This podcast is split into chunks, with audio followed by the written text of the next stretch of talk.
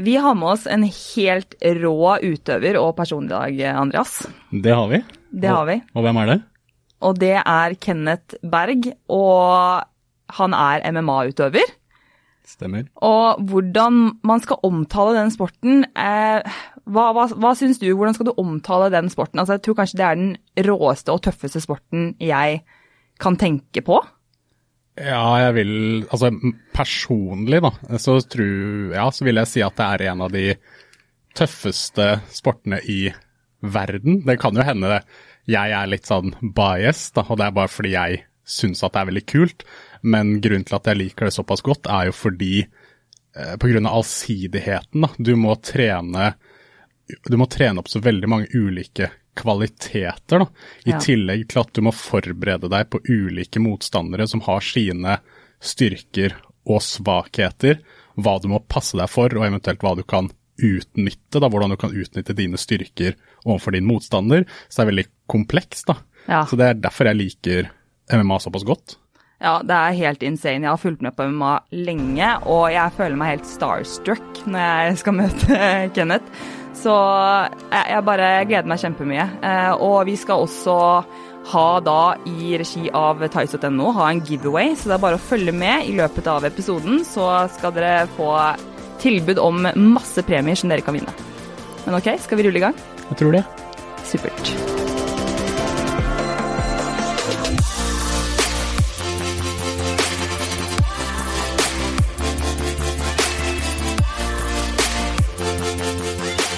Jeg er så heldig å ha med meg tights.no på laget, som gir meg muligheten til å faktisk kunne lage denne podkasten, og det er jeg så utrolig glad for.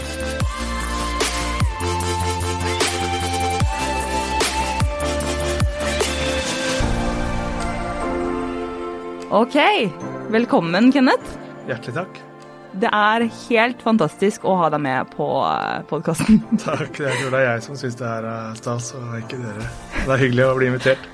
Altså, jeg syns i hvert fall når det kommer til uh, bare hele sporten og hva du bedriver med til daglig, så tror jeg det er veldig få som kan skjønne seg på eh, hvor, eh, hvor stor påkjenning det er. Eh, så det er altså så mange ting rundt både det fysiske og det psykiske, og eh, veldig mange spørsmål som dukker opp, i hvert fall i mitt hode, og det vil jeg anta det kanskje er for deg også, Andreas. Ja, jeg har mange spørsmål jeg, som jeg skal fyre løs med etter hvert.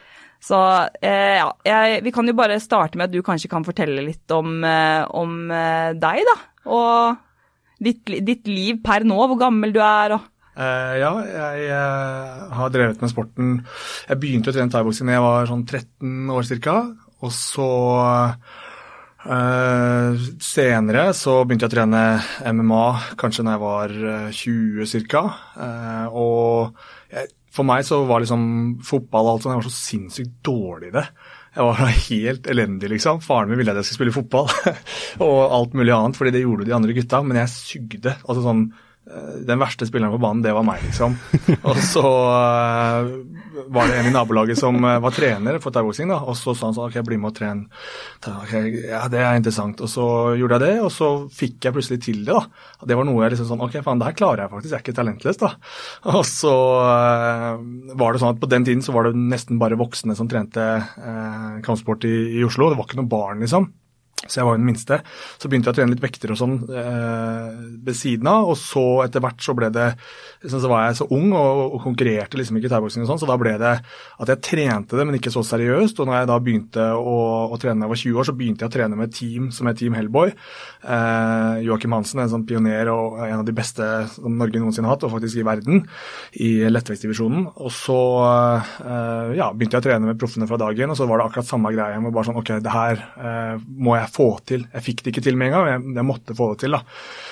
Så nå har jeg gjort det profesjonelt i um, åtte år eller noe sånt.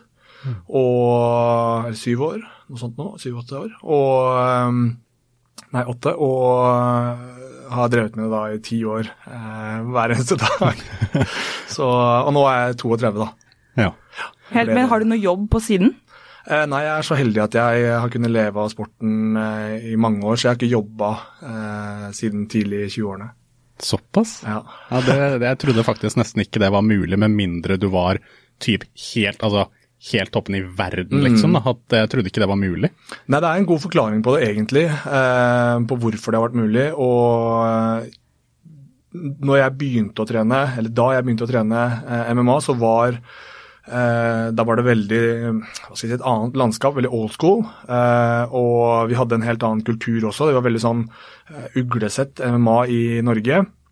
Men eh, etter hvert som eh, det teamet som jeg trente på, enkelte utøvere der begynte å få internasjonal suksess, og også for min egen del, så begynte, eh, for dere som eh, har fulgt med litt, vet at Conor McGregor eh, er kanskje det største navnet. Ja.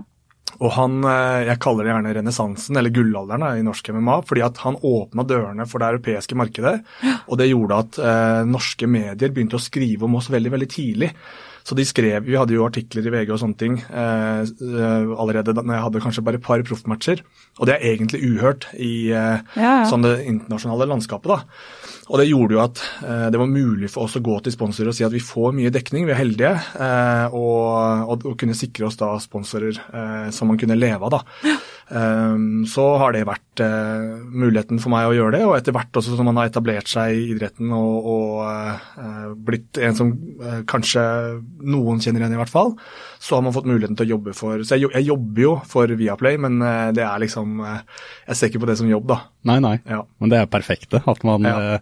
Håper å si, har et sånn type liv hvor man eh, nesten føler at man ikke Ja. jobber. Bare Ja, at man ja, gjør ja. det man trives med, og så kan man få betalt samtidig. Ja, og så er Det også noe som jeg er ikke nødt til å gjøre. det. Jeg er ikke avhengig av å jobbe for uh, Viaplay for å overleve. Nei. Eh, så jeg er utrolig heldig med, med hvordan ting har vært, da, som har gjort det mulig å, å leve av sporten så lenge. Ja, det, men det jeg lurer litt på nå, for det er, hvis det er noen lyttere som ikke er helt uh, oppe og nikke på ulike terminologier og sånne ting, du nevnte jo litt thaiboksing i stad, Eh, og så er vi inne på MMA og sånn. Uh, hva er liksom forskjellen, hva er MMA?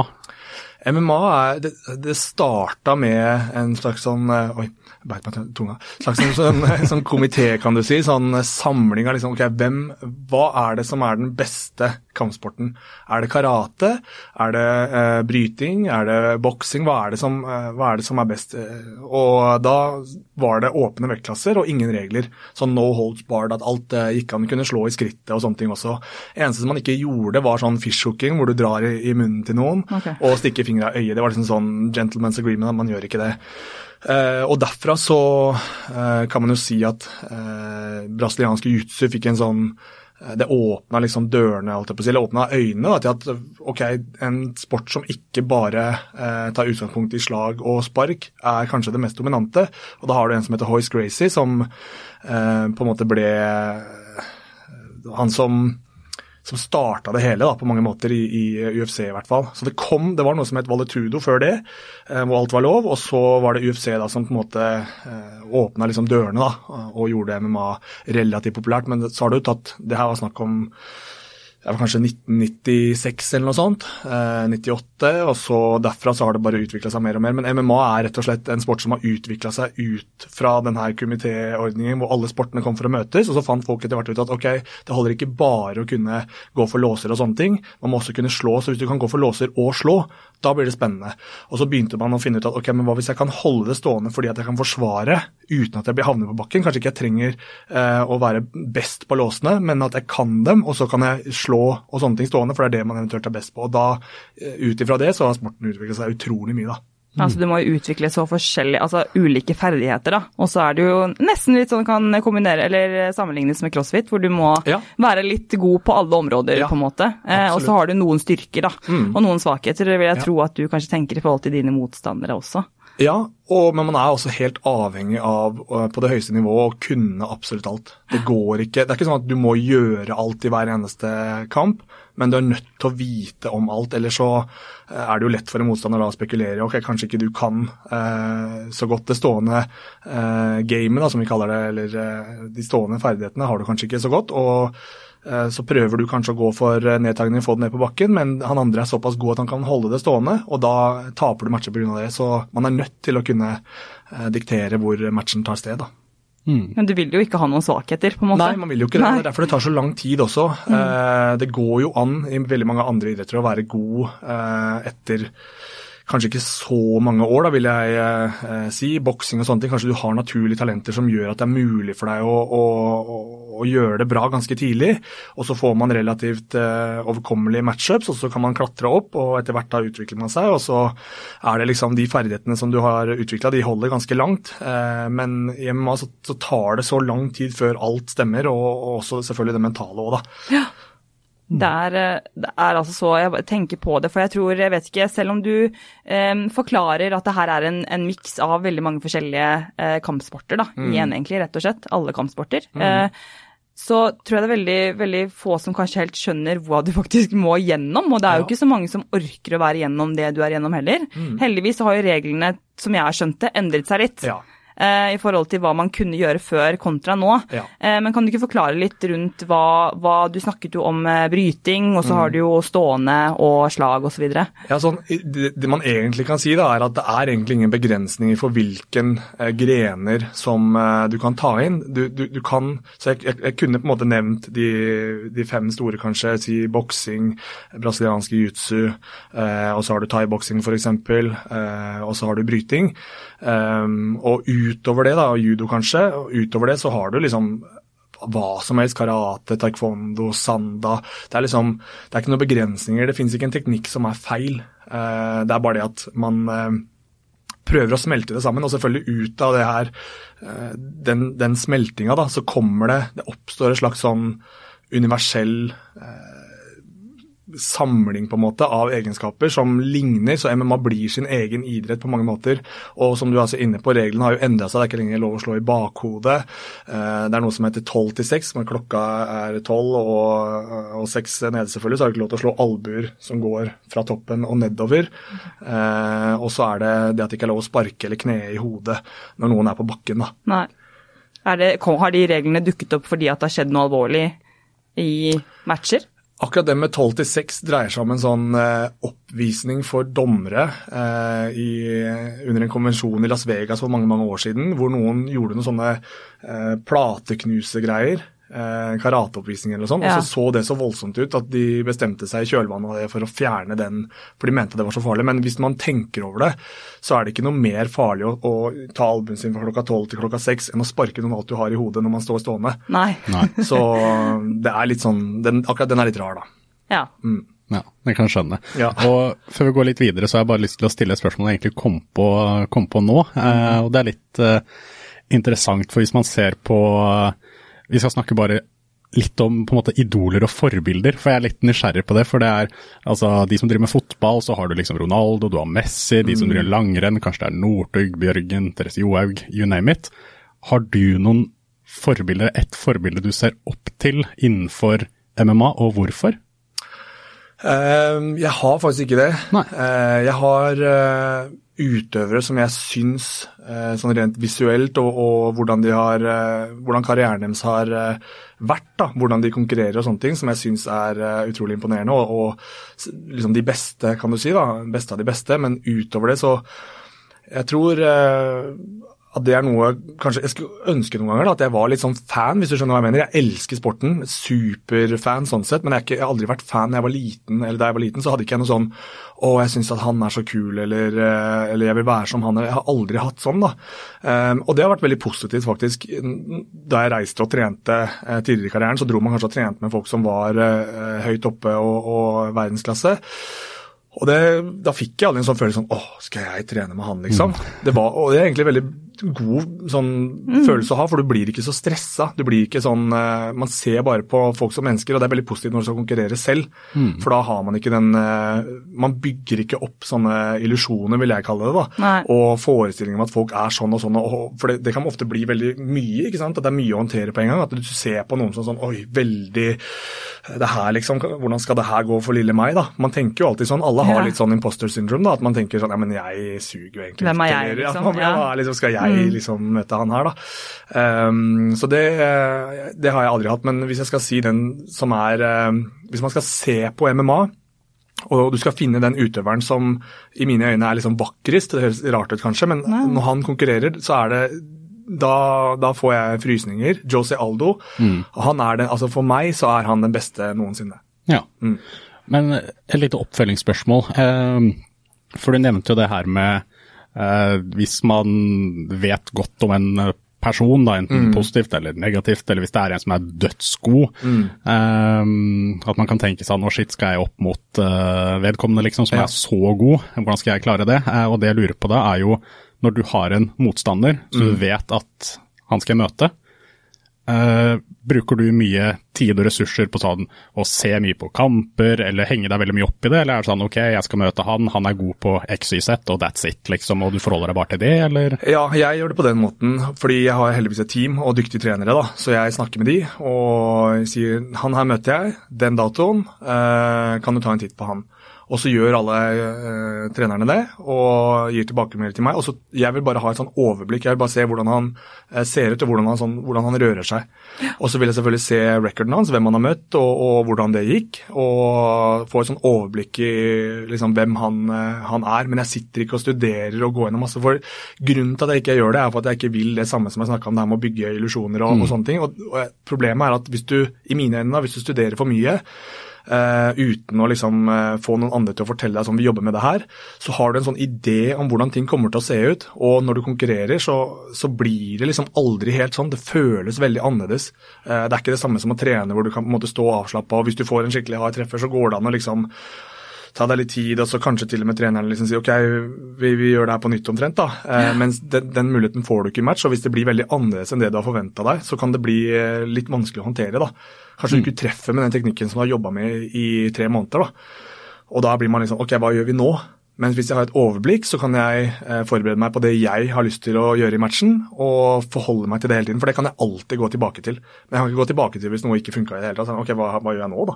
Ikke sant? Så jeg kan se for meg det at hvis du har et, la oss si et, eh, et manus oppi ditt eget hode, da, fordi du har sett for deg ok, det her er manuset, og så er det jævlig kjipt hvis motstanderen ikke følger det manuset. For Ja, det liksom- det. det, For da må du begynne å Hva skal jeg gjøre nå, liksom? Ja, ja. For det her var jo ikke det, det jeg hadde sett for meg at han skulle gjøre. Nei. Og kanskje du liksom blir truffet av ting som du ikke hadde regna med at du skulle bli truffet av, og, og, og da må man gå tilbake liksom til noe som, som du ikke lenger kanskje har like stor tro på. da. Eh, mens du vil alltid kunne ha tro på det som du vet at du er god på, og så vil du bare prøve å finne måter å, å få det til på. da. Kanskje bedre å typ bare altså det, det Du må bare tenke at eh, det her er uforutsett. Og det er mye bedre å håndtere det og forberede seg på det uforutsette, da. Enn det som du prøver å forvente av eh, hva som kommer til å skje. Absolutt. Og så er det også det å finne sin sånn Hvordan liker jeg å konkurrere? Hvordan liker jeg å tenke før jeg skal konkurrere? Og det gjelder alle idretter. Jeg har jo ikke noe erfaring fra andre idretter, men jeg, jeg, har jo selvfølgelig kamerater og, og, og venner som eh, konkurrerer i andre idretter. Og, og eh, den røde tråden er jo selvfølgelig at du kan ikke ta utgangspunkt i hvordan en annen gjør det. Du blir nødt til å finne din måte. Hva er det du liker best? Dine rutiner. Og, og, og så kan du stole på det, og etter hvert selvfølgelig endre som du får mer erfaring. Ja. Men eh, når vi har vært inne på liksom eh, Føler at det er, det er jo mye som skjer innenfor, eh, innenfor denne sporten, og det er jo jeg føler at det er ganske unike tilfeller hvor man velger akkurat denne type sporten. da. I hvert fall så tenker jeg det. Ja. Eh, og hva, hvor er det den motivasjonen kom fra? Når var det du fa fant ut at jeg skal drive med MMA? Det tok lang tid. Jeg hadde gått flere proffkamper før jeg fant ut at jeg skulle drive med det. Eh, Ja. Fordi at det, er så vanskelig å vite når du ikke har eh, bakgrunn kanskje fra en annen idrett. Da. Si om jeg hadde drevet med bryting fra jeg var fire år og vært norgesmester kanskje flere ganger og, og hadde liksom Jeg visste at eh, det her var noe eh, jeg har gjort det hele livet, og jeg kan ta, ta det med til en annen idrett. Men kulturen også var veldig annerledes før. Det var på en måte ikke sånn at eh, man liksom skrøyte av hverandre masse og liksom tomler opp hver gang. da. Så det var ingen som sa at jeg var god, tror jeg, før jeg hadde gått eh, jeg tror jeg hadde gått tre proffmatcher. Og så eh, skulle jeg konkurrere i Las Vegas, og så liksom snakka vi litt om hvordan ting skulle gå og sånn, og da sa han eh, ene treningskameraten min at eh, ja, men jeg tror det kommer til å gå veldig bra, jeg tror du kommer til å bli verdensmester, sa han. Ja. Sånn, Hæ? jeg trodde ikke jeg var god, liksom. Det var helt eh, ja, Det var veldig spesielt, da. Ja. Um, men jeg syns det er bra at eh, jeg har fått muligheten til å være med på old school, og så ta med den nye og vitenskapen og alt sånn inn, da, og, og dra karrieren min eh, lenger, liksom, på grunn av det. Ja, absolutt. Altså, eh, men du gikk da fra å Hvordan kom du deg inn i det type miljøet? Jeg begynte å jobbe som vakt eh, rett etter jeg var ferdig med militæret. Eh, og så de som drev det vaktselskapet, der var det profesjonelle eh, kampsportutøvere som drev. Og så sa han ja, kom og bli med på trening. Ok, ja, bli med på trening, jeg. Og så, og så hadde jeg liksom ikke noe Jeg hadde ikke noe um, noen referanse til noen ting. Jeg, jeg, jeg, regna med at det selvfølgelig kom til å bli tøft, men jeg visste ikke på en måte hva som var vanlig og ikke vanlig. Og jeg begynte å trene med de profesjonelle fra dag én. Og den gamle skolen holdt jeg på å si, var nesten sparring hver dag. Sparring vil si at man eh, liksom lekeslåss, kan du si. da. Det har jeg gjort. Eh, ja. da veit du at det er ganske slitsomt. Ja, det er slitsomt. Eh, og, så da var det på en måte bare sånn ok, og fikk jeg en sånn følelse at jeg må finne ut av det her. Og så er jeg veldig glad for at jeg ikke visste eh, at det kanskje ikke nødvendigvis alltid er så hardt. Da. For Hvis jeg hadde begynt veldig sånn mykt, så tror jeg liksom hadde fått en idé om at jeg var mye bedre enn det jeg var. Så jeg fikk muligheten bare å bli trykt helt ned med en gang, og så fikk man liksom eh, prøve å krabbe oppover derfra. da. Ja, Det er et sykt kult perspektiv, fordi det kan jo sikkert du også kjenne deg igjen i. Vi jobber jo mye med kunder, jeg og Andreas. Ja. Og det er jo litt den der at du, du merker veldig fort det på forskjellige mennesker at eh, at uh, veldig mange føler seg kanskje litt mer som verdensmestere jo mindre de vet, fordi at de holder seg på et litt annet uh, nivå. Ja, eller... Kruger-effekt. Ja, mm. absolutt. Ja, og det er jo en, en reell greie, og spesielt i kampsport hvor det er, van altså det er veldig vanskelig å vite sånn hvor grensa går hvis du ikke har testa den. Det, det, det, er vanskelig å vite sånn hvordan Hvis du føler at du treffer bra når du går på sekken og liksom Men det her går jo unna, og så ser de på TV, og så tenker du sånn kunne jo ha tuppa folk i huet, jeg òg, liksom. Og så er det plutselig sånn Alt det man ikke ser, da. Eh, det er, det er, liksom der det ligger, det metagamet. Alle de små tingene eh, er, eh, er, der magien ligger i, i, egentlig absolutt alt, men veldig i MMA. Og alt det her som du føler selv som utøver. Du føler ting som Der eh, er det kanskje noe han kan treffe meg med. Så blir man sånn eh, at man på en måte rykker og klarer ikke helt å finne uh, den rytmen. Mens for et utrent øye så er det litt vanskelig å se hva den andre gjør. Man kan jo ikke bare slå, da. Eller kan du ikke bare klemme ja. tak i han, eller et eller annet sånt. Um, så det um, Nå mista jeg litt tråden, men Det er helt greit. det var, i hvert fall, ja, det var, ja, ja. Ja, men så, så, du kom inn da og bare begynte å trene med de beste. Det er jo det er jo helt vanvittig. Ja, men det kunne også vært sjukt ræva, hvis du skjønner hva jeg mener. Ja, ja, det kunne ja. også vært sånn at jeg tenkte bare ok, jeg er verdens dårligste, jeg kommer aldri til å gå. Fordi at det tok jo måtte, Jeg måtte lage delmål, ikke sant. Jeg måtte ok, jeg skal klare å overleve en halv runde i hvert fall. Jeg skal overleve en halv runde uten at eh, jeg liksom blir eh, At jeg havner i en submission eller et eller annet mm. sånt. Det skal jeg i hvert fall klare. Og så klarte man kanskje etter hvert en halv runde, og så ok, kanskje jeg klarer en hel runde, da. Kanskje mm. det går, liksom. Og så klarer du en hel runde, og så plutselig etter hvert så blir det sånn Jeg skal klare en hel trening, da. Ja. Og så etter hvert så begynner man liksom å legge til ok, men kanskje jeg kanskje kan treffe en gang, jeg òg, liksom. Ja. Og, og, sånn uh, jobber man seg oppover, da. Men uh, hvis jeg ser på liksom tilbake, uh, så tenker jeg jo at det er Um, bare sånn det var for meg. Noen ganger mm. så, så, legger man liksom sånn overnaturlige ting til at ja, men det var fordi at jeg så den episoden og så ble jeg, av det programmet og så ble jeg så inspirert, og så gjorde ja, jeg det. Men ja. noen ting ligger bare uh, for deg, på en måte. Eller at man har personlighetstrekk som gjør at akkurat den tingen funker. Mm. Mens for andre kunne det kanskje vært veldig negativt uh, å, å, bli håndtert på den måten. Noen tror jeg har, har bedre av å kanskje bli eh, løfta litt mer opp. Men for meg, akkurat den type trening funka bra for meg. Ikke sant. Mm. Og nå som vi er inne, inne på treningsbiten òg, da. Eh, hvordan er det du trener? For som, jeg, som vi har vært inne på, så er det så mange ulike kvaliteter som må utvikles. Mm. Man må jo være litt sterk, eh, fint å være litt eksplosiv, mm. Eh, bevegelighet, eh, utholdenhet. Altså, det er så mye, da. Ja. Eh, så er det noe periodisering av trening, slik at man deler opp ulike blokk? eller altså, hvordan fungerer det på det nivået du er? Det er periodisering, men problemet med eh, MMA vil jeg si er at vi har ikke sesonger. Eh, vi har ikke satte datoer for konkurranse. og Til en viss grad så kan du prøve å og liksom Jeg har lyst til å konkurrere den måneden, jeg har lyst til å konkurrere den måneden, men det er utrolig mye politikk og ting som spiller inn i forhold til hvordan type matcher du får, hvilke show som eventuelt er villige til å, til å signere deg, og også om, hvis du først har signert her, om du får de datoene som eventuelt er aktuelt for deg. Eh, og Det er et stort problem, det å finne matcher, finne rette matcher til rett tid. og Det gjør at man på mange måter blir eh, avhengig av å trene veldig, og det tror jeg også gjelder veldig for crossfit også. Det er bare etter en konkurranse du får egentlig får muligheten til å periodisere. For det er sånn, ok, nå vet jeg i hvert fall at jeg skal ikke konkurrere med en gang, nå kan jeg prøve meg på litt periodisering, men sånn i utgangspunktet så blir det veldig at man du må, jobbe, du må jobbe veldig hardt hele tiden for å utvikle deg, og så får du ikke helt den tiden til å sette av liksom to måneder kanskje da, med, med basistrening f.eks. eksempel Og, og rehabilitering, for så å gå over i en periode hvor du trener mer tung styrke kanskje. Altså den den eh, balansen er ganske vanskelig å finne i MMA. Eh, men heldigvis så En av grunnene tror jeg til at vi er ganske dyktige eh, til det i det norske MMA-miljøet, er jo selvfølgelig at MMA man, man er så avhengig av å, å hele tiden lete etter det nye og, og prøve å, å være innovativ. Da. Og Det gjør at da, veldig tidlig så begynte vi å outsource og prøve å finne ut av hva uh, er det vi kan gjøre for å bli bedre. Og man uh, liksom lette etter dyktige trenere, prøvde å finne ut av ok, en kondisjonstrener, kan du snakke med meg hvordan jeg kan få bedre VO2? Eller uh, hva må jeg gjøre for å, å bli mer eksplosiv?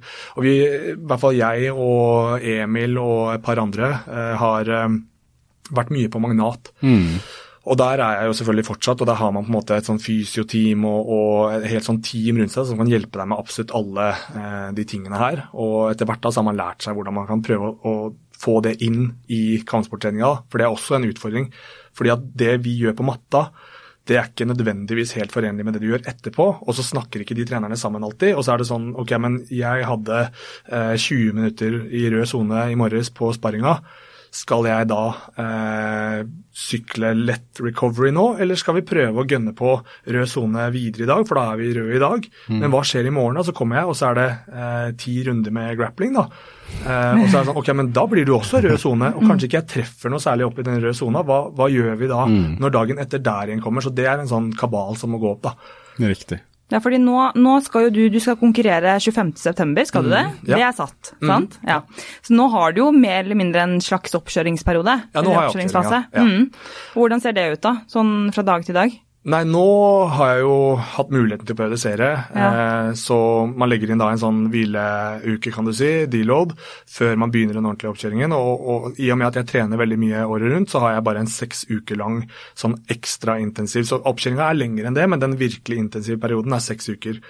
Eh, så nå er det to til tre økter om dagen, og så hviler jeg på søndager. Eh, så det er mye tid man bruker på den treninga. Og så er det også det at jeg har heldigvis gjort det her såpass mange ganger i såpass mange år at jeg vet hva jeg tåler, og så vet jeg jeg kjenner også igjen på hvor mye energi jeg har til andre ting, på hvordan jeg ligger an. Hvis jeg er veldig sånn Jeg kan bli eh, nesten sånn at jeg eh, Du vet sånn når du, når du bare orker alt. Det er ingenting du ikke klarer. Det er ingenting du, du, sånn, du, du kan trene på morgenen, og så kan du trene på ettermiddagen, og så kan du trene på kvelden, og så er det sånn mm, Men jeg kan godt trene en gang. Ja, og så må man lære seg at man ikke skal gjøre det, for den, den, den, den går opp, opp, opp, opp, opp, og så stuper den. Og hvis du klarer å liksom klippe den litt eh, før det går helt på toppen, og du klarer å, å ligge og dra liksom i tauene helt til du kommer på den tiden hvor det er eh, nedtrapping, og så klarer du å holde den eh, spissheten, holdt jeg på å si, den skarpe eh, formen inn til matchen, da kan man gå inn der og føle seg helt fantastisk. Men bommer du litt der, og hvis du er ny, holdt jeg på å si, eller du kanskje er veldig stressa for at ja, jeg må komme i god form nå, jeg må, nå må jeg være i god form, og så har du kanskje seks uker, da. Og så tenker du at ja, men det er ikke no oi, er det nok? Ja, men jeg må ut og løpe nå. jeg må ut og... Det går ikke. Så man holder seg til det som jeg vet at jeg tåler. Og to til tre økter om dagen, eh, seks dager i uka, det vet jeg at jeg tåler. Men da må jeg ha hvile på søndager. Og så er det også mulighet for meg Jeg er ikke redd lenger nå for eh, Si at det er en tirsdag, da, og så har jeg hatt veldig hard mandag og hard tirsdag, og så kjenner jeg at åh, forrige uke var så hard. Ok, men da resten av dagen så kjører vi bare recovery, massasje, og så ser vi hva som skjer på onsdag. Og um, du sier søndag hvile. Hva, når det er snakk om to til tre økter i uka, da, er søndag da 100% hvile, dvs. Si sofaen, eller er det å gå deg en tur? Eller blir det Nei, også? jeg, jeg liker ikke det. Nei. Det er mange som eh, har veldig eh, troa på aktiv hvile, men når, når man gjør så mye gjennom en uke, så vil du vite at når søndagen kommer, så har jeg fortjent den eh, fulle hviledagen. Og da skal ikke jeg gjøre noen ting. Nei. Hvis jeg vil gå en tur, så gjør jeg jo det. Jo, jo. Men eh, jeg prøver faktisk heller å ikke ikke gjøre det. Da vil jeg bare ligge hjemme hele dagen. Og jeg er uh, heldig når det kommer til søvn. Jeg kan sove tolv timer eh, hver dag nesten.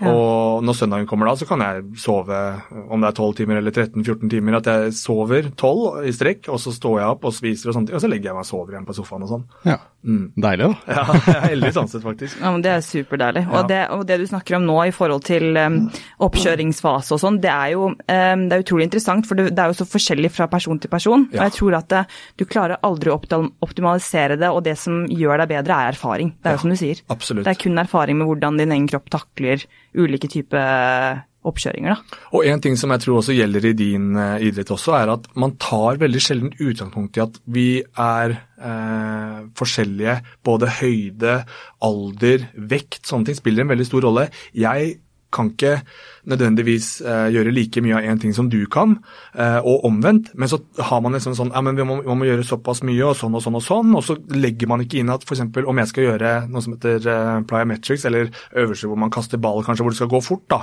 uh, og trener opp sentralnervesystemet, så koster det mye mer for meg fordi at jeg veier over 100 kg enn det gjør for en som veier 65 kg. Ja. Og jeg kan ikke gjøre det i en og en halv time uten at det koster masse dagen mm. etter. Så da er man nødt til å ta en sånn vurdering om hvor er det her verdt det for meg. Men hvis jeg skulle hørt på på en måte, eh, ikke nødvendigvis konsensus, men hvis jeg skulle tatt utgangspunkt i hva som kanskje liksom er rett da, i gåseøynene, så hadde jeg kanskje holdt meg til den en og en halv timen da. Men for meg så mm. går ikke det. Eh, og det tror, jeg, eh, det tror jeg gjelder også eh, i crossfit. Mm, liksom, at Man tar ikke utgangspunkt i at ok, hva hvis en person tar 300 kg i knebøy, liksom. Eh, det koster jo, selv om han kanskje da er stor og sterk, eller hun er stor og sterk, så koster det jo mer å løfte mm. så mye vekter, selv om den andre personen kanskje ikke klarer det samme tallet. Eh, altså, Maks ja. er ikke maks, hvis du skjønner hva jeg, jeg mener. Godt hva du mener. Veldig mye watt, det koster veldig, veldig mye. Mm. Så eh, det er en sånn viktig greie for meg da, mm. å være klar over. Ja, Det er kjempekult. Men du, altså da, hvilke konkurranser er det? Hvem er det du skal konkurrere mot 25.9.? Altså jeg konkurrerer mot en eh, brasilianer, eh, en som er svartbelte i brasiliansk jiu sånn som vi snakka om tidligere. Mm. Han som eh, revolusjonerte MMA, ja. Hoist Gracie. Um, sånn hva skal jeg si, Det er jo liksom Brasils nasjonalidrett, kanskje, ved siden av fotball. Så han er dyktig veteran, en som har mange matcher og, og konkurrert i større organisasjoner. og Da konkurrerer vi for uh, tittelen. Uh, så det blir main event, eller kveldens hovedattraksjon da, i Stockholm, Sverige. Utrolig. Ja, det, det, gleder meg. Det skal vi i hvert fall få med oss. Ja. Det skal i hvert fall jeg få med. Men, ja, for det er jo greit å nevne det også, at du står jo egentlig som Det var jo et, en kamp som ble annullert fordi ja. han ble tatt for dop. Ja. Uh, og så har du, med ellers utover det, så står du jo som ubeseiret. Ja. Det gjør det? Ja. ja. Men uh, den uh, Jeg skulle jo egentlig få rematch mot han, uh, han som jeg tapte mot, og ja. han som fikk at matchen ble annullert. da. Ja. Eh, men eh, i mai så ble det et eller annet surr med eh, covid-restriksjoner og sånne ting når han skulle komme inn de siste dagene før matchen. Så da sto jeg plutselig uten motstander to dager før matchen eller et eller annet. Okay. Og, så, og, da har du brukt liksom månedsvis. da, Det er en match som jeg har gleda meg skikkelig til òg. Og så kommer det en eller annen erstatter, og så ok, greit, ja, da tar vi han. Og så plutselig så ble det ikke noe av med han heller, fordi at han hadde et kutt i panna eller et eller annet sånt. Uh, mm. okay. Så da ble den også uh, avlyst, da. Og i forhold til han, liksom For meg, da. Det er min sånn største jeg, jeg, glemmer, jeg, tenker på det ofte. Det glemmer jeg liksom aldri. fordi at selv om han brukte doping, så jeg syns ikke at han er noe god. Nei. Jeg syns ikke, ikke, at han slo meg hvis du skjønner. Mm. Og kanskje de som hører på tenker liksom ja, men det sier alle, liksom, og du tapte. ja, ja, ja, men eh, da hadde jeg vært uten konkurranse i to år. Og jeg tror jeg var på et sånt sted hvor liksom jeg følte at jeg, aldri kom, at jeg aldri kom til å få konkurrere. Jeg tenkte liksom at det bare det blir ikke noe av, liksom. At mm. nå er det bare kjørt. da. Og at hodet mitt var på et helt annet sted. Og så drar man da liksom og får en sånn match som ok, greit, ja, vi tar den her, liksom. Og så gjør jeg alt riktig og er kjempegodt forberedt og føler meg dødsbra. Sinnssykt bra form. Og så står jeg der og, og, varmer opp og sånne ting. Og så dagene før så hadde jeg forventa at jeg skulle få liksom masse nerver, og at jeg skulle være sånn Det her er stort, liksom. Nå må, vi, nå må vi være på plass. Og i forkant hadde jeg også selv om jeg aldri har hatt problemer med nerver, så jobba jeg med en sånn uh, mentaltrener sånn, sånn, at vi skulle liksom klare å skru det på. Men det endte med at eh, vi hadde sånne øvelser for å liksom roe ting ned hvis at det ble eh, bølgete. Og det endte med at jeg fjerna de, nervene som, eh, de få nervene som jeg hadde i utgangspunktet. da. Og da var jeg bare helt flat. Så når jeg sto og varma opp, så um, Og jeg, jeg, hadde egentlig sagt at jeg ikke skulle si det, fordi at jeg, jeg ville ikke bruke det som en unnskyldning. Nei. Men jeg revna hamstringen min når jeg sto og varma opp, og så går jeg ut der, liksom. Og det er egentlig helt fint. Du revna hamstringen? Ja, for jeg tok en sånn derre hvor du, du vet når du um, Jeg skal forklare det, men du står liksom med hånda inntil veggen, og så pendler du beina fram og tilbake. Ja, swing, og så liksom. dro jeg, og så bare øh, revna og, da, og trenerne mine hørte det, ikke sant? så jeg bare Oi, hva faen, liksom. Og jeg må holde deg varm. Ok, greit. Og så går jeg ut der, og den rareste følelsen liksom, noensinne hvor man bare er helt sånn off. Jeg synes, eh, Som sagt, jeg syns ikke han var noe sterk, jeg syns ikke han var noe god. Jeg, det var ingenting, liksom. Jeg går inn der og føler at jeg har kontroll på matchen, men jeg bare er ikke der. Jeg er ikke til stede. Jeg står liksom og holder, så tenker jeg bare sånn Jeg håper den runden her er over snart. Uten å føle stress eller noen ting, og det er det ekleste jeg noensinne har vært med på. Åh, ja. uh, og så står jeg der bare og henger for lenge i en posisjon som eh, jeg har kontroll i, men som jeg på en måte ikke jeg gjør liksom ingenting, og det har heller ikke likt meg. Og så uh, havner vi på bakken i siste sekundene av matchen.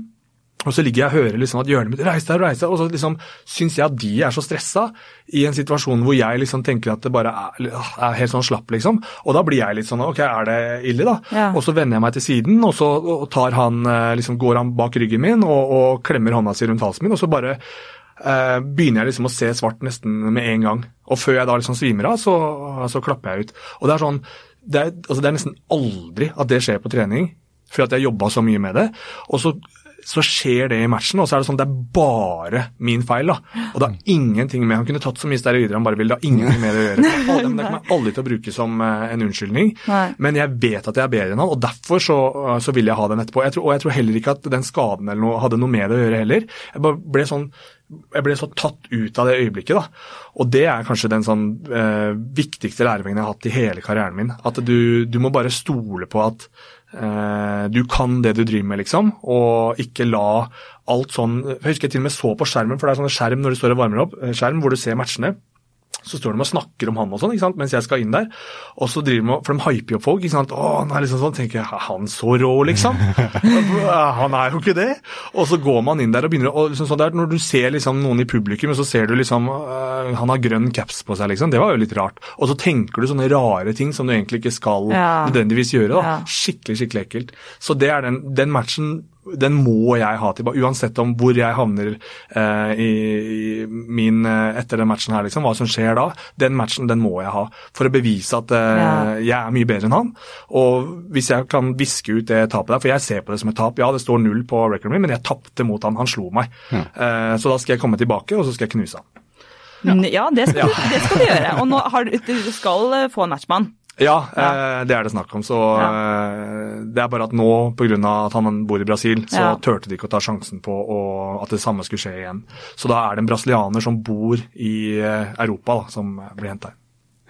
Ok, men det er jo, ja, det, det er så kult å høre på, fordi at nå går vi jo inn på veldig mye av disse eh, det, Selvfølgelig det er mye fysisk også, siden du revna jo tross alt hamstringen din. altså Det er sånn, Mm. Ja. det hører du ganske godt. Eh, det er ganske altså det er ganske heavy. Ja, ja. Det er eh, Jeg har, jeg har ikke revna liksom hamstringen, jeg har hatt noen andre muskler, liksom, og det er mm. eh, Det er ikke digg. Nei. Eh, og det er jo bare, Den kan jeg egentlig spille litt videre på, fordi jeg tror jo at dere som driver med MMA, det må jo ha et litt sånn forskrudd bilde når det kommer til smerte, tenker jeg da. Eh, Jeg veit ikke, men jeg tenker eh, eh, min opplevelse eller oppfattelse av smerte, Silje sin, din, altså det må jo være litt annerledes. For jeg, eller jeg veit ikke hva du selv tenker rundt det. Jo, men jeg tror ikke det har noe med eh, mennesket i utgangspunkt Altså fra, fra starten av. Det var ikke sånn at man begynner med det utgangspunktet at liksom, de som trener MMA, det er de som tåler masse. Ikke i det hele tatt. Det er bare det at kroppen din lærer seg jo på samme måte som de lærer seg å tåle trening, og så tilpasser den seg. Det er jo det som skjer. Eh, samme gjelder jo også smerte. At etter hvert, du forstår hva som er farlig og hva som ikke er farlig, og så, så trener du opp systemet ditt til å på en måte ignorere ting som eh, ikke er så skummelt. da. Men hvis, det er klart at hvis du knekker armen eller noe sånt, så får du en voldsom reaksjon. For det er en, en, en alvorlig eh, ting, da, og hamstringen min revna jo ikke helt av. Nei, nei. Den dag i dag så eh, Og det er egentlig litt bittert, fordi hver gang jeg eh, liksom, Hvis jeg sitter her nå etterpå, så kan jeg strekke den antageligvis, og så popper den. Sånn, det kommer sånn smell. Eh, så hver morgen før jeg trener, liksom, så blir jeg mint på det når jeg, når jeg strekker beinet mitt. da. Oh, forever Ja, minner fra den for alltid, ene dagen. ja. Oh, ja. Men, eh, men eh, jo, at jeg tror man bare man lærer eh, kroppen sin, og kroppen lærer å forstå hva som er farlig og hva som ikke er farlig. Og selvfølgelig så vil det komme slitasje og sånne ting, og det er plagsomt. Men sånn akutte ting som å, å knekke en tå og sånne ting, hvis du har gjort det 30 ganger, da, så, så er jo ikke det så farlig lenger. Nei. For det, du teiper den, og så, så går det liksom greit. Det er mer de store skadene som det slipper du ikke unna. For hvis ikke kroppen hadde sagt ifra da, så hadde det jo det hadde vært et kjempeproblem. Jo, jo. Ja. Jeg tror det er vanskelig å forstå seg på hvis du ikke har erfart det, men jeg tror på det du sier. fordi Mm. at jeg også vet jo det at jeg føler at smerteterskelen min har økt ganske, ganske heftig med Ja. hva jeg tåler av smerte på trening. Ja. Men for deg så blir det jo Ting er jo faktisk potensielt farlig.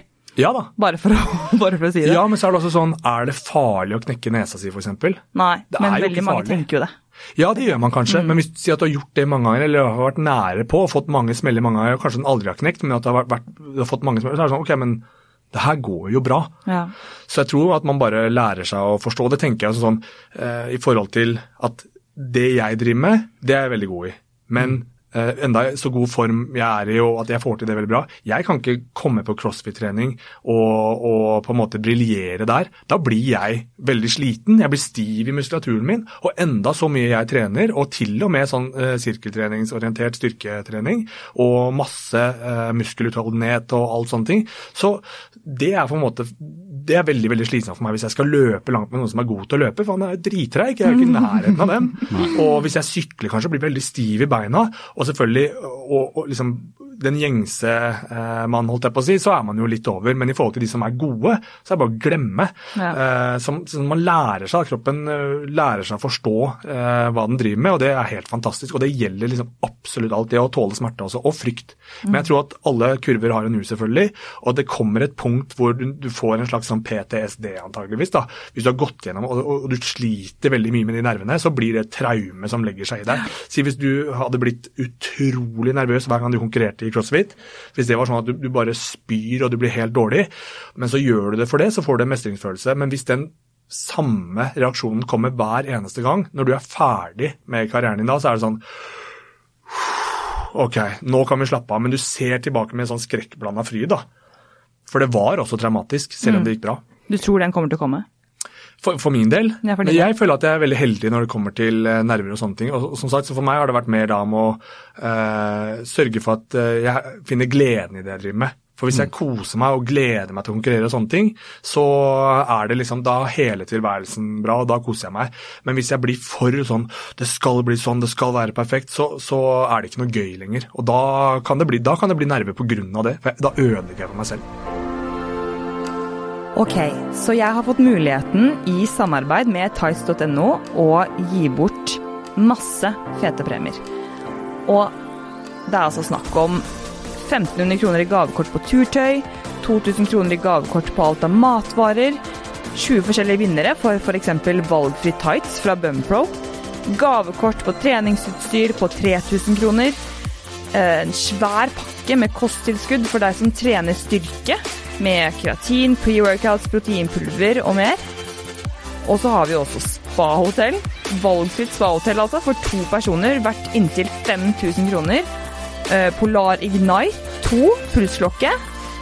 Og AirPods Pro er også i denne potten. Og mye mer kommer til å legges ut, så her er det bare å gå inn og registrere seg på tights.no skråstrekk silje. Trekningen er altså om én uke, så lykke til!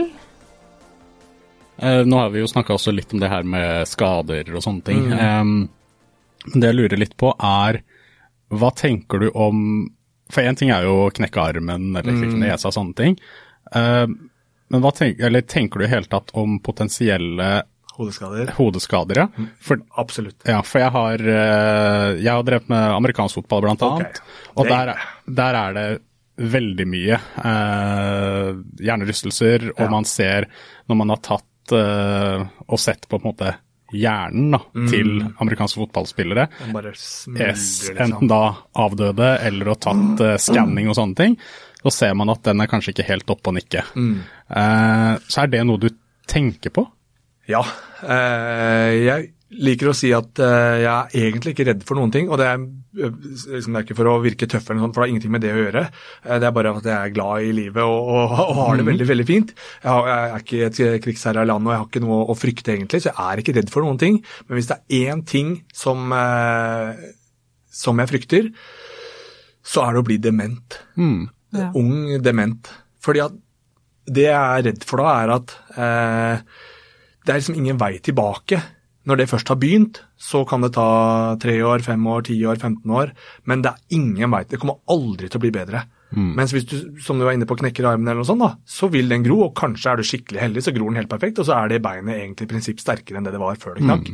Eh, mens det går ikke med, med demens. Og så er det også det at da er det ikke sikkert at jeg heller lenger er klar over at ting ikke stemmer. Kanskje i starten så begynner jeg å plukke opp at noe ikke stemmer, men så forsvinner jeg bare ut i intet, og det for meg er en sånn uh, Det er skummelt.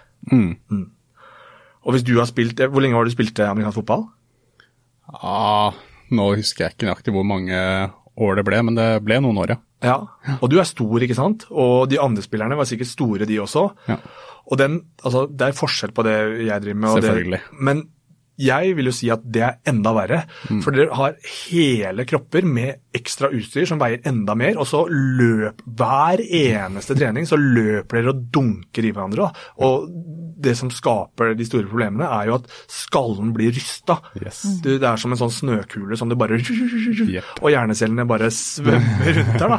Og, og har du spilt mange år i en sånn idrett, liksom, så kommer du ikke unna det eh, helskinna. Og selvfølgelig, jeg har jo gjort det her såpass lenge at jeg har jo måttet betale en pris.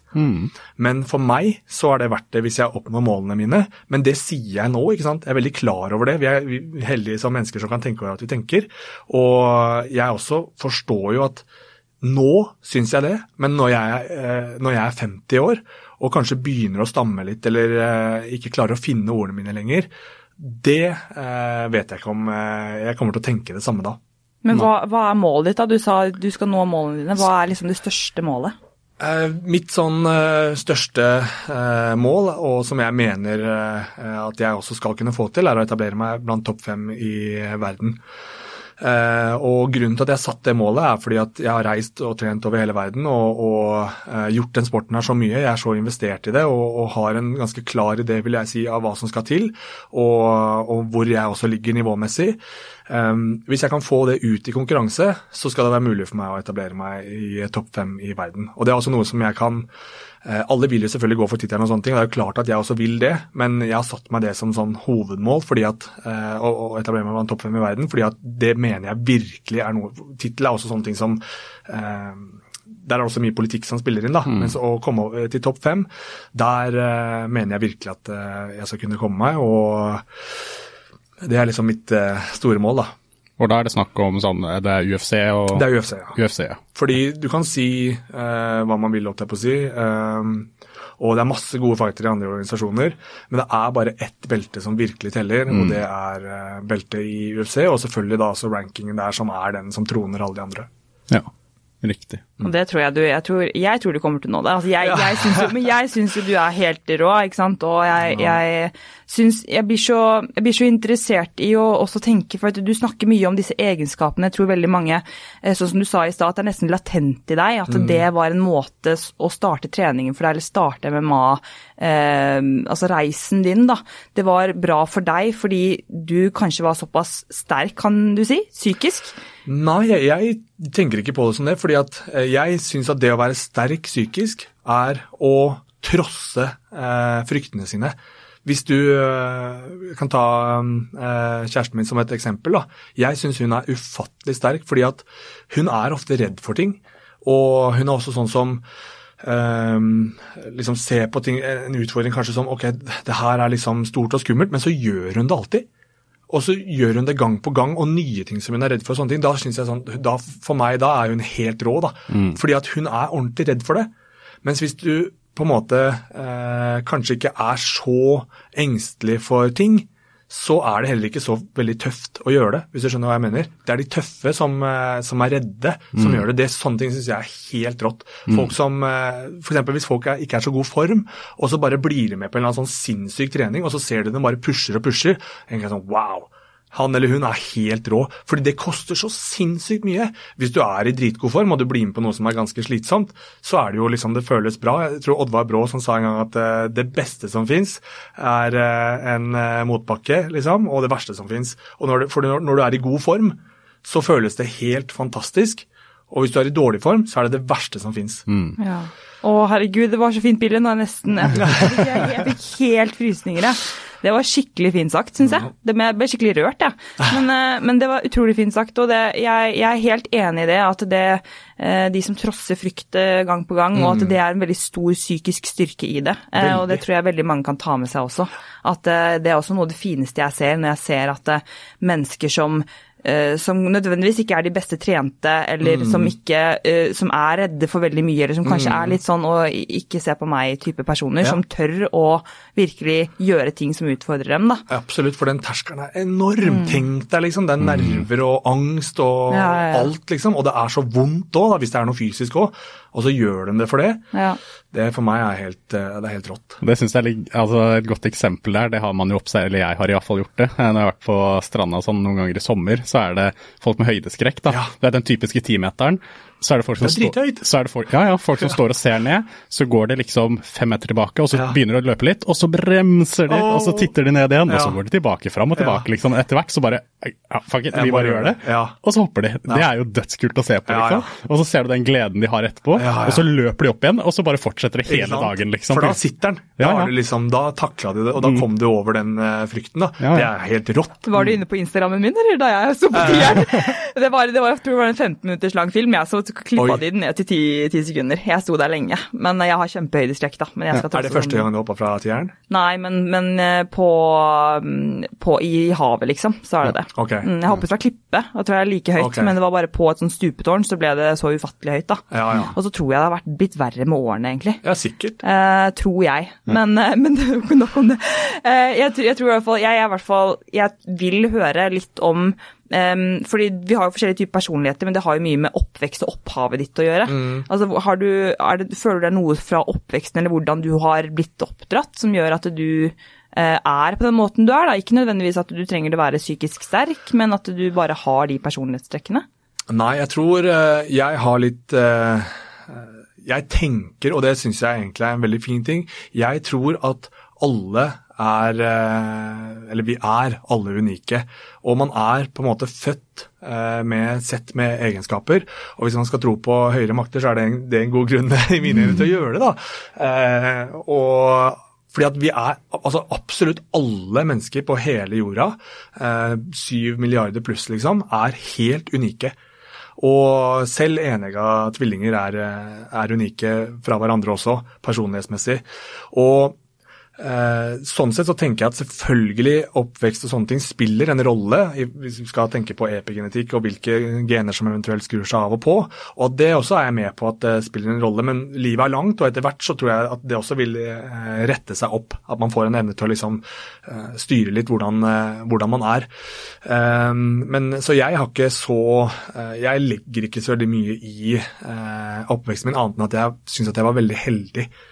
Uh, og jeg er veldig glad for at jeg, um, mamma spesielt, da, var sånn som uh, sa at hun var glad i oss hver dag. Mm. Så ja. hvis, uh, hvis, vi ringte på telefonen f.eks., ringte og så, sa, og så bare snakka man vanlig, liksom. For når vi var ferdige å, å prate, så var jeg glad i deg. Ja. Når vi kom hjem, glad i deg. Og sånn var det hele tiden. Så jeg har blitt Eh, så vant til det at jeg, jeg, tar det som en veldig naturlig ting. da. Mm. Så folk som jeg Jeg vet at spesielt her hjemme så er det en sånn Det er mange som liksom har blitt litt sånn store i øynene og blitt litt sånn rare når jeg sier at jeg er glad i dem. Mm. Fordi at det er sånn Å, er du glad i meg, liksom? Jeg ikke si det! Ja.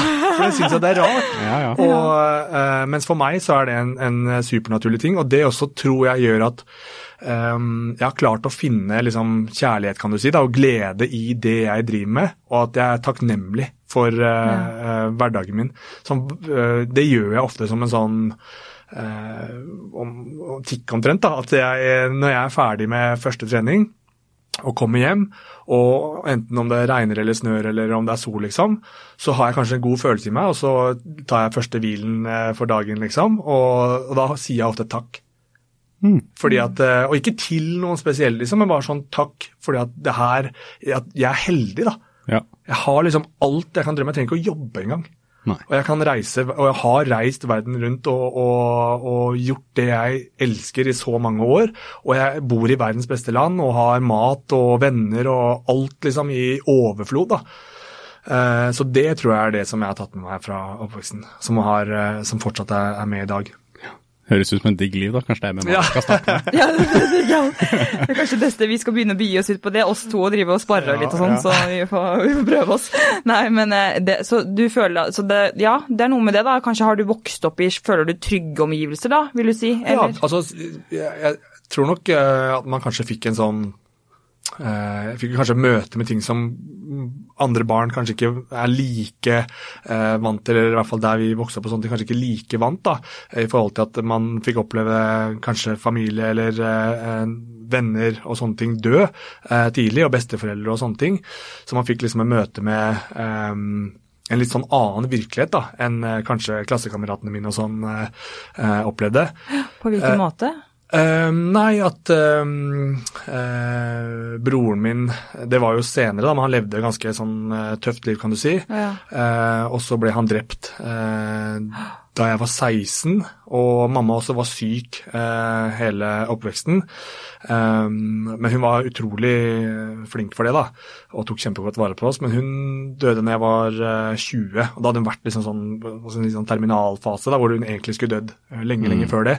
Så det var sånn sjokk, husker vi, når, eh, husker jeg, eh, når eh, eh, Thomas døde, og liksom vi hadde alle trodd at det var mamma som eh, skulle dø først, da. Mm. Og sammen med det også så var det jo eh, venner som var som kanskje levde litt hardt liv, de òg, da. Eh, venner av eh, broren min og sånn også, som Og det husker jeg var veldig spesielt. Jeg husker en venn eh, av eh, broren min som eh, lekte med meg, og jeg husker det liksom Kanskje det er noe som jeg har malt eh, i hodet mitt etterpå. Vi, vi bodde på Holmlia, og så spilte vi eh, fotball med en sånn Løvenes kongeball som hvis du sparker den, så flyr den liksom ekstra lett, da. Og han hadde så langt hår. Eh, Christian het han også, var han, sånn, han var sånn god med oss. Broren min og, og meg har en bror til. da. Um, og um, Det var liksom en sånn fin sommerdag, og så et år etter det eller noe sånt, så døde han. Uh, og det syns jeg var så rart, liksom. at hvordan, hvordan kan han være død? Og da hadde broren min og han uh, vært i en bilulykke hvor broren min ble eh, Han ble faktisk hjerneskada altså han satt i rullestol og kunne ikke prate. da, Og på en eller annen sinnssyk måte så klarte han å komme seg igjen, men levde fortsatt det tøffe livet da, og endte opp med å bli drept til slutt.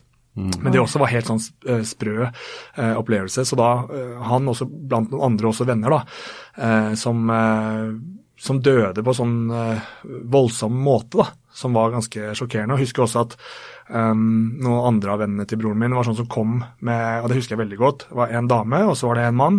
Kai het han mannen. Og han hadde Han gikk med sånn Du vet når du har vært på, hos legen, så har du Eller hvor som helst hvor du har tr- tråkka på sånne Hva heter det? Sånne eh, skoposer. Ja, ja. Og han gikk med skopose på det ene beinet sitt fordi at eh, noen torpedoer hadde skar, skåret av foten hans med motorsag. Og det er sånn, når du er, når du er liten, så skjønner du ikke sånne ting, ikke sant. Så det er sånn som man i ettertid kanskje huska, men ikke syns da at liksom Jeg skjønte, skjønte ikke så mye Nei, av det. da. Så det var litt sånn, eh, sånne ting kanskje som eh, var utenom det vanlige. Men så hadde vi liksom en mor eh, som alltid liksom tok vare på oss. Og så broren min fikk også en datter som eh, mamma også eh, fostra opp, da. Eh, til hun var for syk til å ikke kunne ta vare på henne lenger, da. Eh, Men vi var eh, sinnssykt heldige med tanke på hver jul og alt sånt, så fikk vi de tinga vi ønska. Jeg tror kanskje vi bare lærte oss å ønske oss ting som vi visste at mamma hadde råd til. Mm. Og, og så lærte vi oss også å vaske opp og, og handle og sånn. Jeg husker en gang når jeg var på posten. Da jeg var på posten, så, eh, og det husker jeg veldig godt, så hadde jeg fått beskjed om at jeg visste ikke hva jeg skulle på postkontoret, men eh, jeg skulle i hvert fall hente et eller annet eller noe sånt. Og så hadde jeg trykka en kølapp, og så sto jeg med den kølappen. Og så fulgte jeg med, for da hadde jeg fått beskjed om at du skal se på liksom Når det her står det et tall, og så må jeg vente.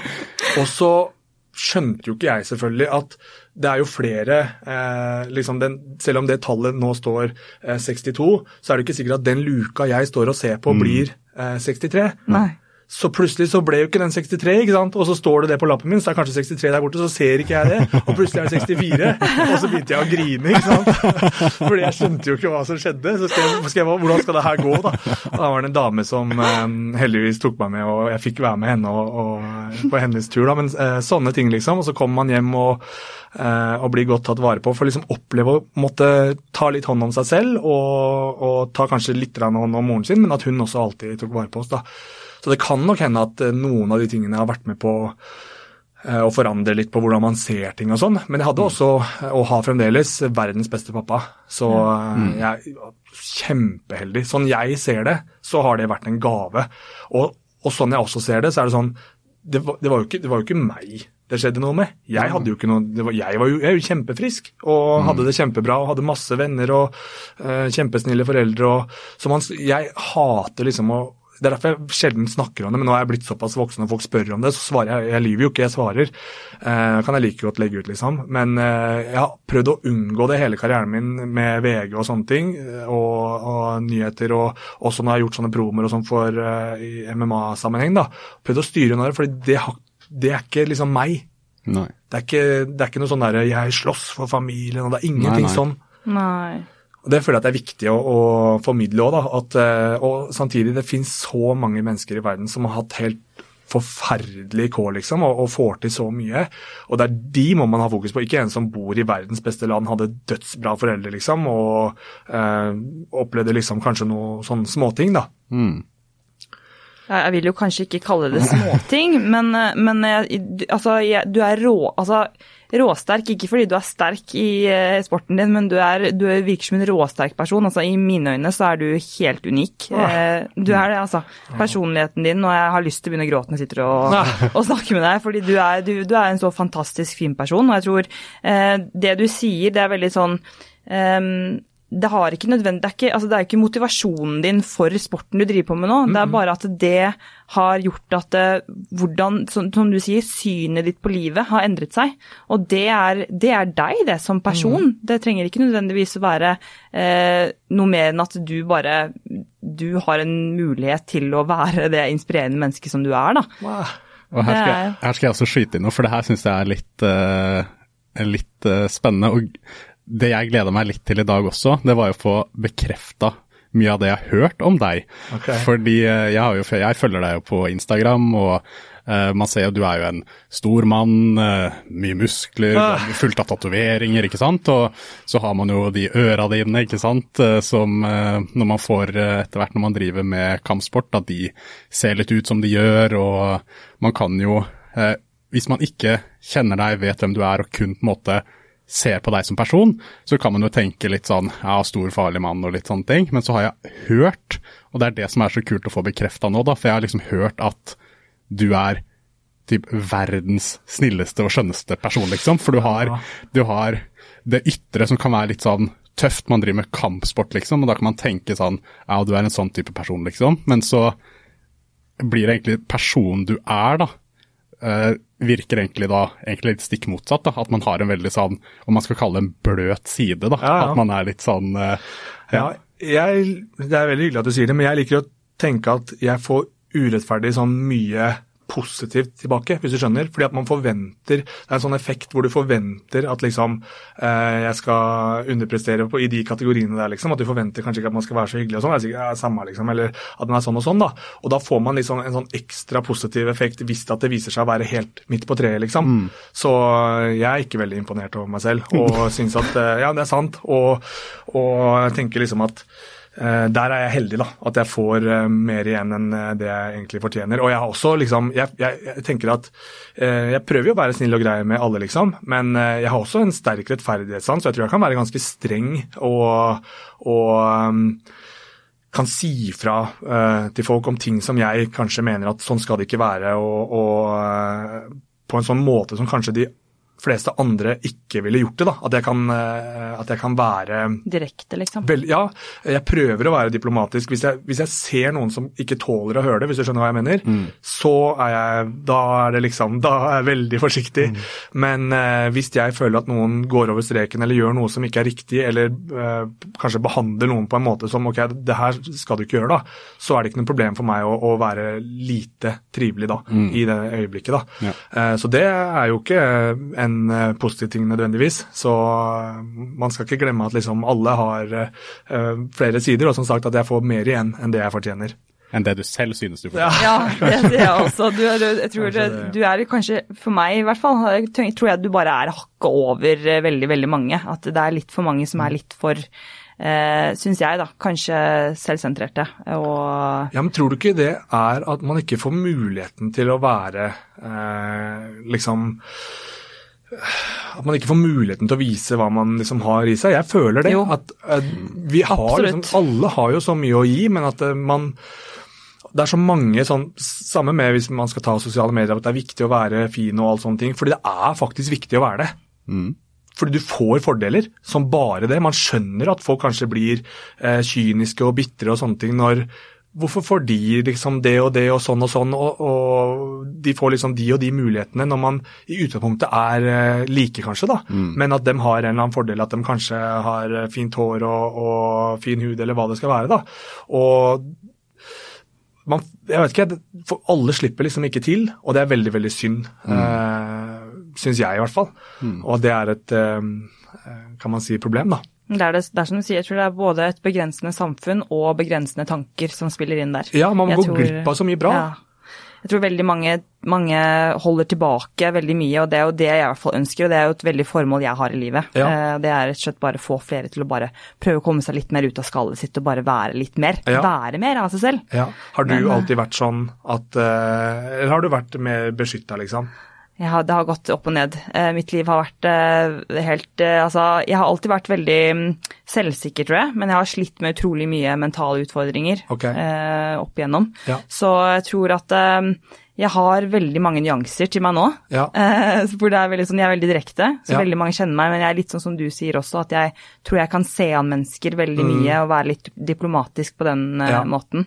Men ja, jeg tror det, og det endrer seg også litt i forhold til eh, ja, i forhold til at jeg vet at det ligger litt latent i meg, Mm. og, og begynne å bevege seg litt over på den mørke siden. Skjønner du? Så jeg Mm. Ja. jobber veldig mye med å på en måte komme meg over eh, og være mer på den lyse siden, da.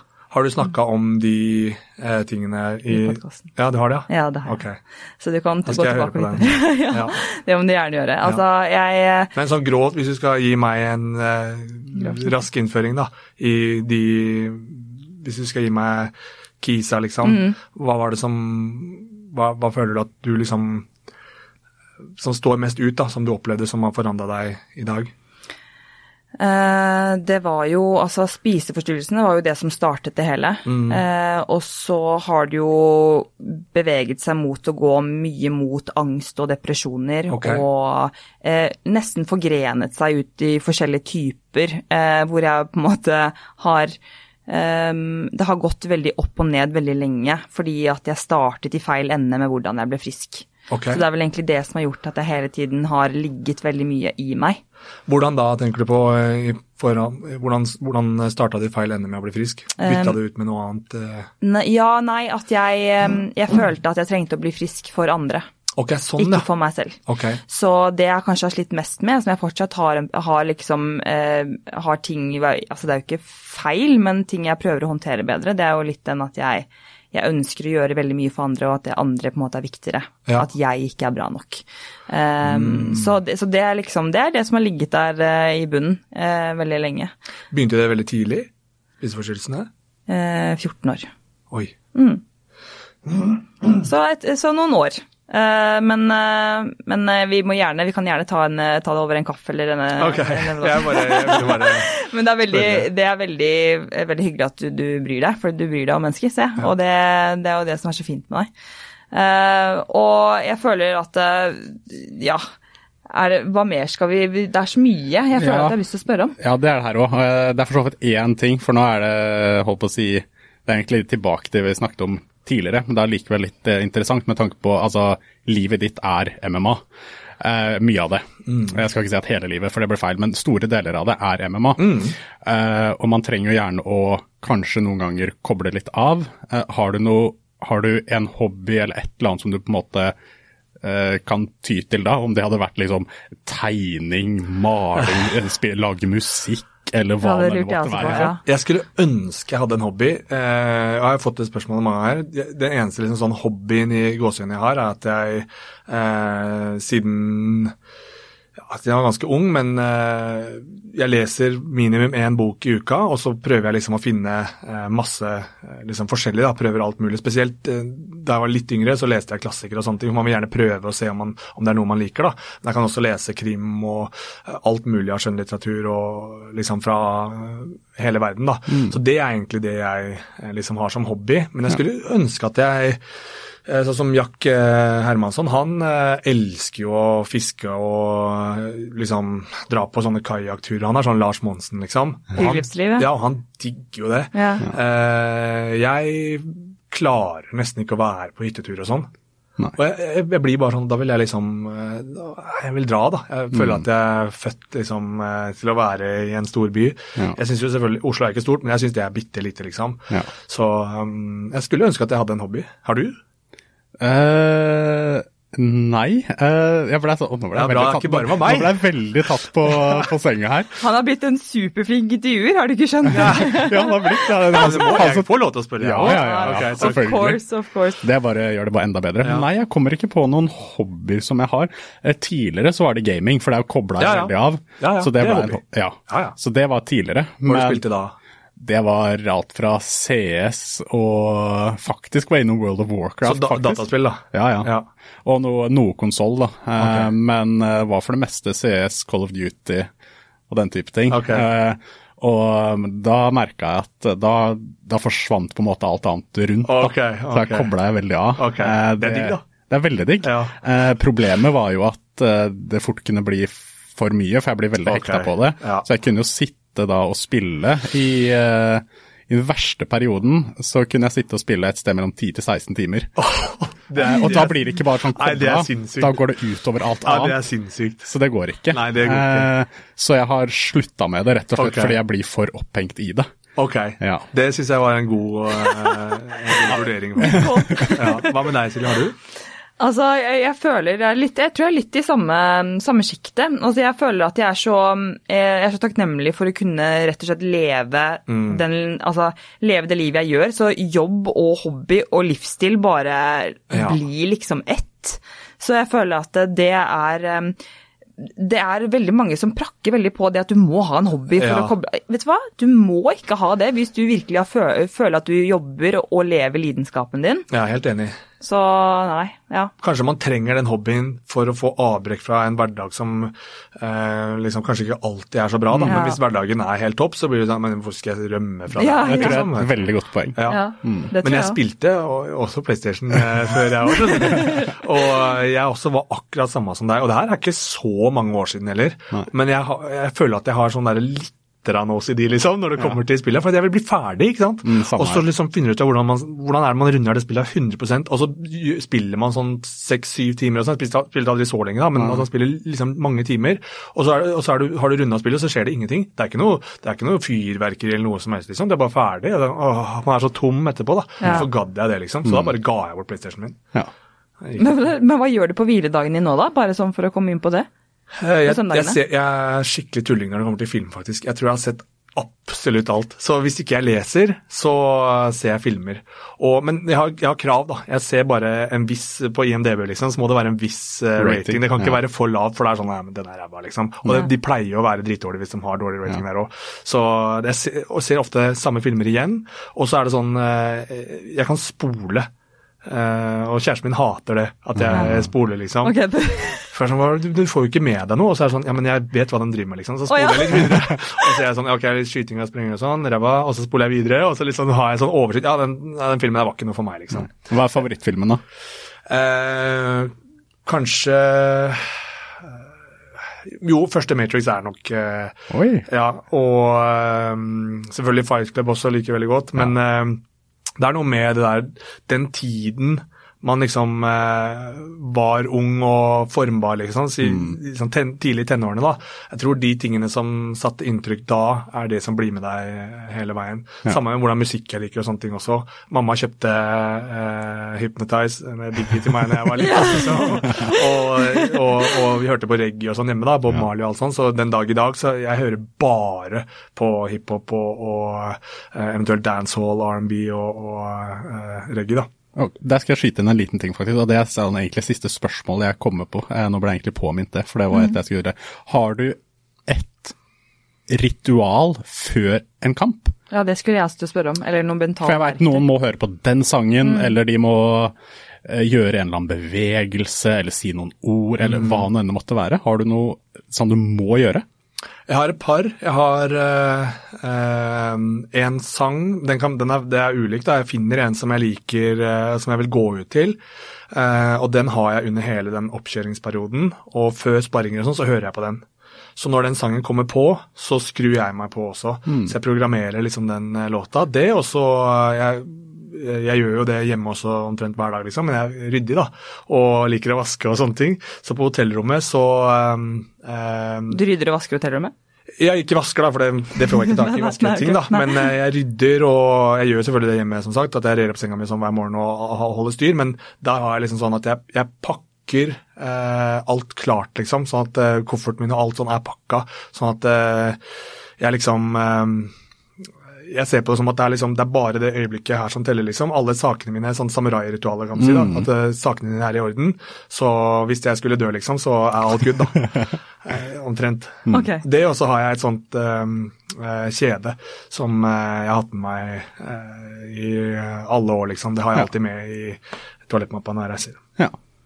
Kan du si hva de tre viktigste mentale verktøyene du bruker i forhold til eh, treningen din er? Eller i forhold til konkurranse, eller i forhold til sporten din, da? Hvis det er tre, da. Jeg Hvis tror du har jeg kan tre. si Tre til fem, eller ett ett? ord, faktisk, Oi, du kan det? og det er glede. Ja. Ja. Hvis du klarer å finne glede i det du gjør, uansett hva, liksom, trenger ikke å være eh, kampsport, hvis du klarer å finne glede i hva du gjør, så er det nesten ingen grenser for hva du kan utrette. For da evner du å jobbe så hardt som eh, du aldri har trodd at du kunne. Da kan du bare gønne på og bli så god som det går an for deg å bli. da. Finner du gleden, så kan du gjøre akkurat hva du vil. Og jeg er så enig. Jeg er helt enig, men det er, det er jo helt vanvittig hvis det bare er det du trenger å fokusere på. Du jobber vel litt mentalt sånn, forbereder deg til kamper og lignende? Eller føler du at Selvfølgelig, ikke? men, men, men eh, det tar utgangspunkt i gleden. Alt Ja. det arbeidet som skal til. Det som ligger til grunn der, er gleden. Mm. Og så er det selvfølgelig sånn å, å eh, Og det er litt mer inn på eh, en sånn innstilling som du ikke kan gå rundt med hele tiden. Men at jeg må være villig til å gjøre skade på motstanderen min. Men jeg må også være villig til å akseptere skade og ta imot skade. Jeg må Ja. være forberedt på at det blir krig, da. Eh, og det er en sånn ting som det er en sånn ekstra nivå av intensitet som du ikke går med eh, året rundt, for da brenner du opp. Ja. Så den kan du skru opp og kultivere liksom den siste perioden, men det å gjøre skade og eh, akseptere at skade vil bli gjort på deg, det for meg er veldig veldig viktig. Hvis jeg går inn der og er forberedt på liksom det verste tenkelige eh, scenarioet, så, så, eh, så kan jeg håndtere det under matchen, fremfor sånn jeg skal bare flytte meg og være helt Anderson Silva, liksom, og så bare får jeg susere og blir helt sånn fryser, da. Ja. Så hvis jeg har akseptert det i forkant og forberedt meg på det, så eh, Og også den vilja til å gjøre skade, da, og det høres kanskje spesielt ut, du tenker sånn Jeg trodde du var grei, jeg, men Ja, eh, ja. sånn virkelig, liksom eh, ville sparke hodet av noen og, og, og slå dem i stykker. da. Og det høres liksom sånn wow, Ja. det er veldig spesielt. Det, og det er jo det som er så spesielt med MMA. fordi hvis du skal vinne mot de beste, så må det være intensjon og vilje, ikke til å, å skade i den forstand at man skal eh, ødelegge ligamenter og sånne ting som du ikke kan fortsette videre, men i det øyeblikket må du være villig til å slå motstanderen din bevisstløs, eller eventuelt kvele den bevisstløs, eller hva som helst, og treffe dem med ting som eh, er hardere og, og mer presist og farligere enn de noensinne har vært borti. da. Så de smelter. Men det der er jo en Ja ja, og det der er Jeg skjønner veldig godt hva du mener med at det, det kan høres veldig Mm. Brutalt ut. Men det er jo samme som hvis man er eh, yrkesmilitær f.eks., Mm. da, så er det sånn du må Du har ikke lyst til å drepe noen, Nei. men du må være forberedt på at du kan stå i en situasjon hvor du må ta et liv, Mm. og du kan risikere å bli drept Ja, selv. og det må være eh, det, altså Hvis det er eh, mellom meg og han, og i, da i en krigssituasjon, hvis Mm. Det er mellom da eh, motparten og, og deg selv Mm. Hvis du velger motparten, så er du ferdig, da. Da Mm. dør du, da. Da taper du. Skal jeg ha brukt ti år av livet mitt, eh, pluss pluss selvfølgelig med det jeg har gjort før òg, da, av kampsport, på så jeg kaster bort det på å gå inn der og være liksom forsiktig, eller nei, vi tar det som det blir, liksom. Vi tar det som det kommer. Det går ikke. Mm. Nei. Kan ikke overlate det til eh, tilfeldighetene, da. Nei. Nei, bra. Har du noe mer spørsmål, eller? Nei, for det var jo, det var jo rett og slett det, det å komme inn på det. fordi du, du viser jo det også når du snakker om dette med at du må eh, Nesten så du må, du må mm, kanskje trigge mer av den følelsen nærmere, jo nærmere du kommer konkurranse. Eh, fordi at du er jo en så genuint bra menneske sånn ellers. Så, så det å skulle switche over på den, føler du at det er noe som merkes mot en konkurranse også? Ja. På deg? Ja, det Ja. tror jeg absolutt. Ja. Eh, Eller, eller kjæresten din, da. Merker hun noe til det? At du blir, går i en boble, Litt. på en måte? litt. Ja. Ja. Eh, og, men jeg har jo også gjort henne veldig klar over det, da. Ja. At, eh, tidlig, liksom. At eh, det, det er liksom noe som Så hun har jo blitt vant til det. Mm. Eh, men eh, du kan jo tenke Altså, de to tingene, det som er spesielt med det her, er jo de to tingene Jeg sier at glede må ligge til grunn for at du skal prestere, og så sier jeg samtidig også at du må skade og, og, og, og være villig til å ta imot skade, liksom. Hvordan klarer man å, å sette de to Ja. tingene eh, sammen, da?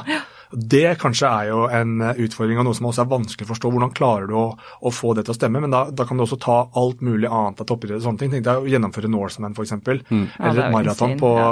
hvis, altså, hvis, hvis det bare er smerte, og du ikke har klart å finne en slags sånn glede i den smerten, liksom, så er det ikke Da, da, da gir man seg så fort, rett og slett. Men hvis du har liksom et, et mål der da, som du er, villig til å eh, presse deg gjennom, så, eh, så går det an. Og så er det ikke for alle. Det er jo det, er jo det man må jo finne hver sin, sin ting, ikke sant. Og du, det her driver jo deg, eh, og du kunne ikke nødvendigvis svare på noe sånn spesielt hvorfor. Det bare var en sport som du, Jeg tror det er fordi at jeg får det til. du får det til, Ja, jeg er Mm, god, rett og og øh, da har jeg bestemt meg for Ja. at den tiden jeg har i idretten, det skal jeg få maksimalt ut av. Jeg skal nå så langt som overhodet mulig. Mitt mål er topp fem i verden. Og det er noe jeg kan leve med resten av livet og vite at øh, jeg var ekstremt god. Jeg var faktisk så god at jeg var en av de fem beste i hele verden. Og selvfølgelig aller helst skulle man vært nummer én, men at man kan si det, en av de fem beste i hele verden. Eh, og det er noe man Hvis jeg kan få til det, da, så er det det er verdt veldig veldig mye. Jeg er villig til å ofre hva som helst for det. Mm. Jeg syns det er kult også når folk bare sier 'jeg er god'. Det, Ja, liksom, ja. Altså, altså, det, Så deilig å høre. Mm, Istedenfor bare han «Ah, litt, men at man faktisk kan også si at vet du hva, det her, jeg er dritgod liksom i det her, og det her får jeg til. Så jeg syns det bare er kult at man kan eie det, da, istedenfor at man hele tiden skal gjemme seg bak og ikke tørre å si at man faktisk er god i noe. For jeg føler at det også er viktig, at man tør å eh, For det er litt viktig å se hva man er god på, og hva man får Absolutt. til, da. Men det er også viktig å vite at det, er- det, det, det er ikke en forutsetning for suksess, og det er heller ikke en, eh, et sånt tegn på at du kommer til å oppnå suksess. Nei. At du har uh, tro på evnene dine, liksom. Nei, nei. Så uh, det er så mange veier som, uh, som går an å ta. Og jeg tror også for liksom, om det er noen som er yngre eventuelt som vil finne som, Hvordan skal jeg få det til? da, Så tror jeg det viktigste er liksom å, å finne seg selv. da, Finne ut av hva er det som funker for deg. Dyrke den tingen som trigger deg, og så følge på det. da, Og tørre å, å være ærlig med seg selv, og så tørre å jobbe hardt. For det koster. Ja. Jeg syns det var helt fantastiske avsluttende ord. Jeg syns det var veldig bra. jeg. Har eh, kost meg masse. Ja, jeg også har altså det Jeg syns eh, i hvert fall Du snakker om takknemlighet. Jeg er i hvert fall evig takknemlig for å ha hatt med deg. Takk. Eh, og jeg tenker at du kommer til å inspirere veldig mange sjeler der ute, bare ved å være deg. Men også som den eh, utøveren du er, som er også helt eh, insane bra. Så vi, vi må jo bare følge med på den matchen 25.9. alle sammen. Ja, ja absolutt. Jeg kommer iallfall til å gjøre det. Ja, jeg skal i hvert fall gjøre det. For da masse lykke til òg med den fighten. Ja, masse lykke til, og ja, jeg satser på at vi kommer til å krysse veier igjen. Takk.